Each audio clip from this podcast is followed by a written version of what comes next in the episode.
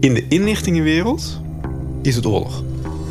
Zij zien gewoon dat Russische spionnen keihard actief zijn. Dat Chinese inlichtingendiensten keihard actief informatie, kennis weghalen. De inlichtingendiensten waarschuwen voor spionage op Nederlandse universiteiten. We moeten niet naïef zijn daarin. Maar hoe beslist een universiteit wie wel en wie niet te vertrouwen is? Een veiligheidsscreening, die expertise, die hebben we niet in huis. En wat zijn de gevolgen voor de onderzoekers zelf? Dat is niet effectief, het is niet proportioneel en het is discriminatoire.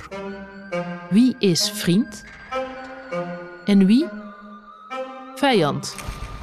Dat is het hele doel, dat we de kennis op de wereld groter maken.